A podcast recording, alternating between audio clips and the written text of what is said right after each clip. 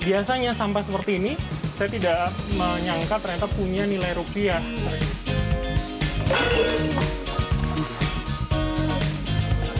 Belakangan, aksi daur ulang sampah banyak digalakan sejumlah pihak.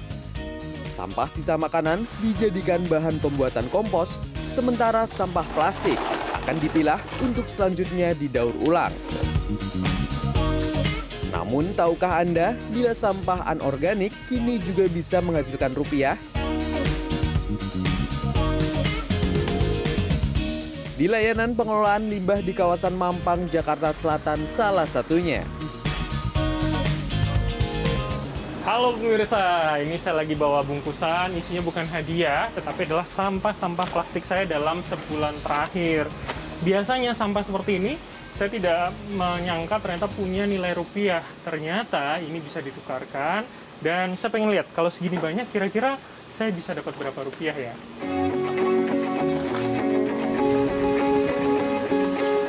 Di sini sistemnya terbilang mudah.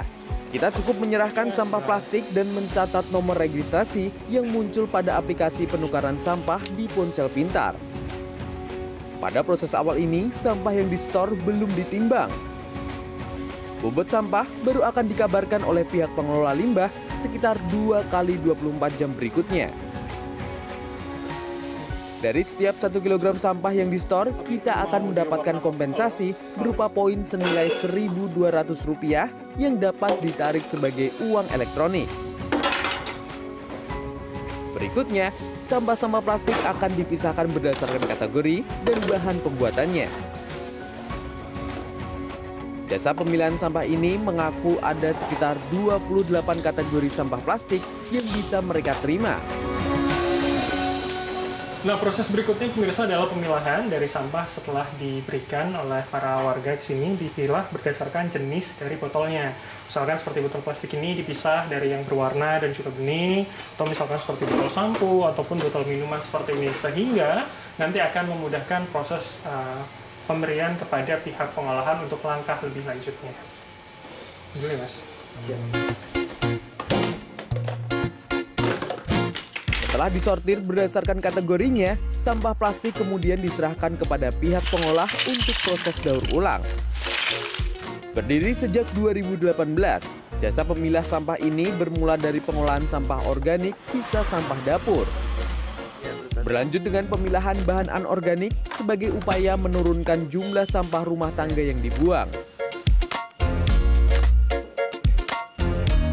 Langkah ini disebut selain mampu menghasilkan cuan, juga menyadarkan masyarakat untuk lebih bijak saat berbelanja dan memikirkan dampak sampah yang dihasilkannya. Awal-awal tuh sebenarnya kita nggak main langsung ke pemilahan, pe pengelolaan sampah, tapi fokusnya justru awalnya itu di pengolahan, pengolahan sampah organik. Dengan lagi itu eh, metode anaerobic digestion untuk mengubah sampah organik menjadi biogas dan pupuk. Oleh karena itu, kita melihat ini tuh nggak bisa dihilangkan proses ini. Tapi bagaimana caranya setelah beres dikonsumsi, berarti saat pertama kali dibuang, sampah itu masih memiliki nilai, nilai produk. Nah di situlah kita mau tap in, oke, okay, berarti di pengelolaan dan pemilahan.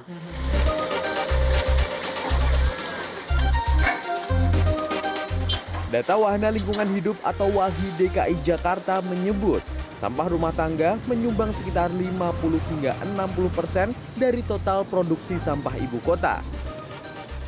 Meski angkanya stagnan dalam beberapa dekade terakhir, persoalan sampah rumah tangga disebut belum ditangani secara serius.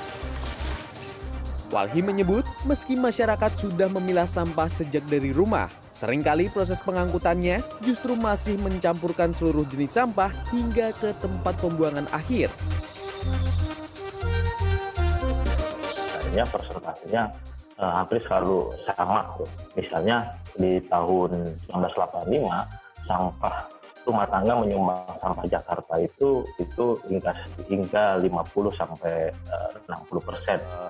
Ada memang upaya-upaya warga yang melakukan pemilahan di tingkatan rumah tangga gitu ya, tetapi memang belum cukup optimal dan belum cukup besar gitu sehingga uh, belum signifikan.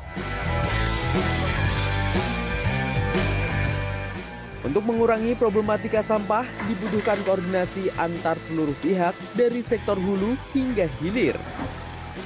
Agar seluruh upaya mengurangi sampah dapat berjalan efektif dan tidak sia-sia.